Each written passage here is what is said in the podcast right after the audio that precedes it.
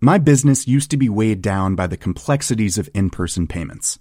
Then, Tap to Pay on iPhone and Stripe came along and changed everything.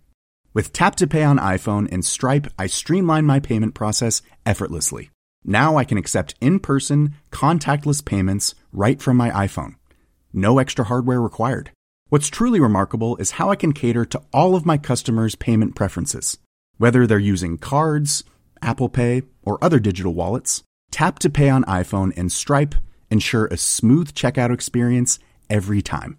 And it's not just me. Stripe helps businesses of all sizes, from local markets to global retailers, scale quickly and stay agile. To learn how Tap to Pay on iPhone and Stripe can help grow your revenue and reach, visit stripe.com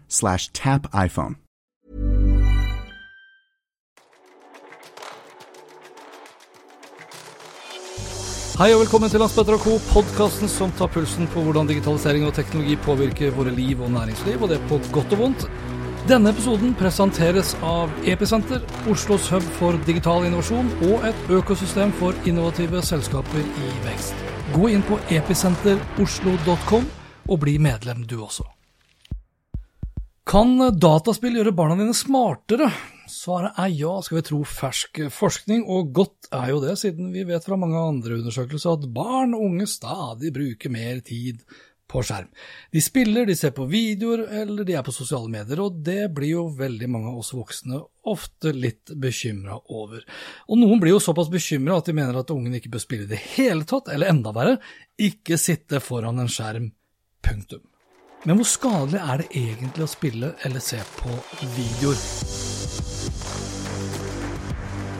En gruppe forskere har forsøkt å finne ut mer om hva skjermtid har å si for hvor intelligent du blir, eller da enda viktigere, da, hvor intelligent ungene dine blir.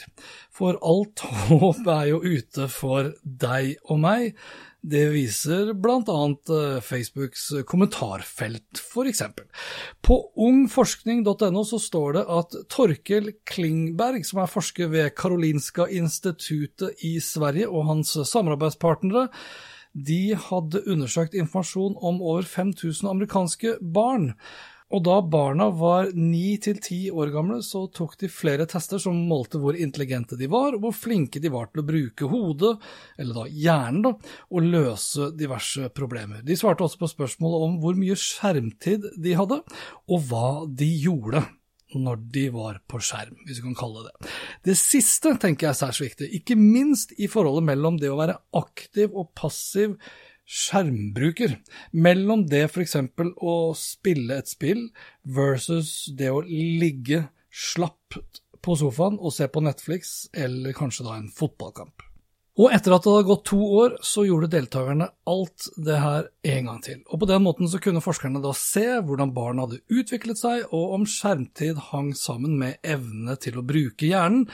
Og resultatene vil nok få alle spilleglade barn til å juble, for de viste nemlig at barn som bruker mye tid på spill, ble mer intelligente enn de som brukte lite tid på spill. Det samme gjaldt faktisk også litt for barn som så mye på videoer, og da tenker vi da først og fremst på YouTube-videoer, men det viser også å ikke ha noen stor betydning hvorvidt man var mye på sosiale medier eller ikke. Kan det her virkelig stemme? Blir man smartere av å game og se på YouTube-videoer? Eller kan det tenkes at barn som hadde gode anlegg for å bli intelligente, ofte var mye på skjerm, og det hadde forskerne også forsøkt å undersøke. Og De viste da fra tidligere forskning at gener har mye å si for hvor intelligent du blir, derfor undersøkte forskerne også genene til barna i studien. Var det virkelig slik at barn med gener for høy intelligens spilte mer? Og svaret på det var nei.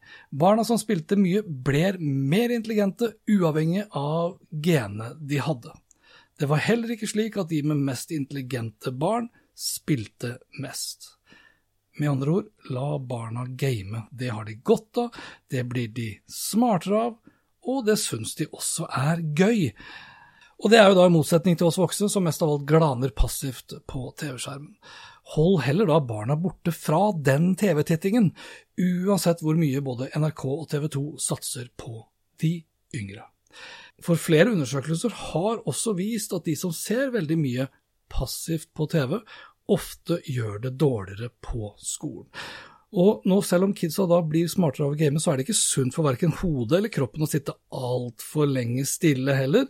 Så som alt annet her i livet, så handler det om sunn fornuft og balanse. Men det er altså da ikke sunn fornuft å forby kidsa å game. Det som også er verdt å nevne her, eh, som en negativ konsekvens av barnas gaming, det er at det viser seg å være hackernes dør til din og min arbeidsplass. Og Det skriver digi.no og viser da til IT-sikkerhetsfirmaet Viper Security i Danmark, som nylig fortalte da om hvordan hackerne velger ut bedrifter, sjekker ut eh, medarbeiderne, og da helst på mellomnivå i virksomheten, for å finne frem til familiemedlemmer, ektefeller og da barna aller helst. For eh, som de selv sier det, barn har mye mer tillit til fremmede de møter på nettet, og hvis de f.eks. er i samme lag i Counter-Strike, så betraktes de som venner man kan stole på, og barna gir jo da gjerne fra seg diverse koder eller brukernavn og passord til folk de stoler på.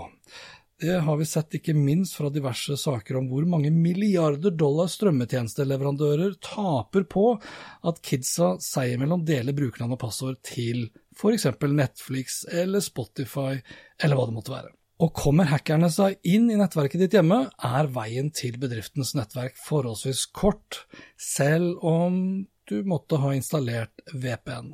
For det Viper Security også viser til, er at VPN-nettverkene i nesten alle tilfeller er satt opp feil. Så kort fortalt, selv om barna blir mer intelligente av å game, så er de fortsatt ikke smartere enn at de stoler på de fleste, og så lenge de fleste foreldre ikke bryr seg så veldig mye om hva kidsa gjør på nett, og utviser forholdsvis dårlig sikkerhetshygiene selv, så er det kanskje ikke så rart da, at de aller fleste virksomheter i dag forventer å bli utsatt for et vellykket hackerangrep i løpet av ordet.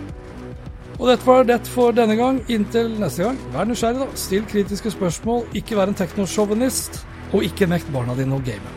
Lenker til alt jeg har snakket om, finner du som alltid på smetteråtinfo. Snakkes, hei ro.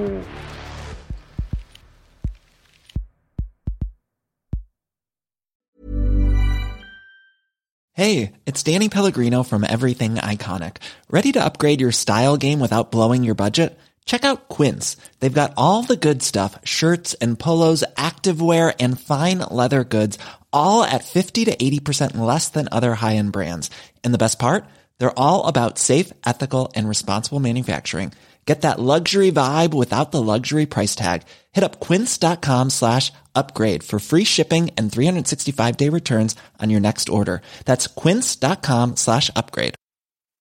My business used to be weighed down by the complexities of in person payments. Then, Tap to Pay on iPhone and Stripe came along and changed everything.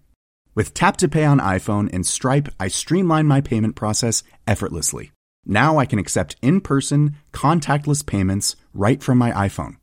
No extra hardware required. What's truly remarkable is how I can cater to all of my customers' payment preferences.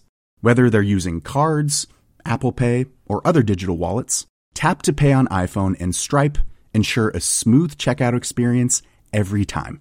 And it's not just me. Stripe helps businesses of all sizes, from local markets to global retailers, scale quickly and stay agile. To learn how Tap to Pay on iPhone and Stripe can help grow your revenue and reach, visit stripe.com slash tap iPhone.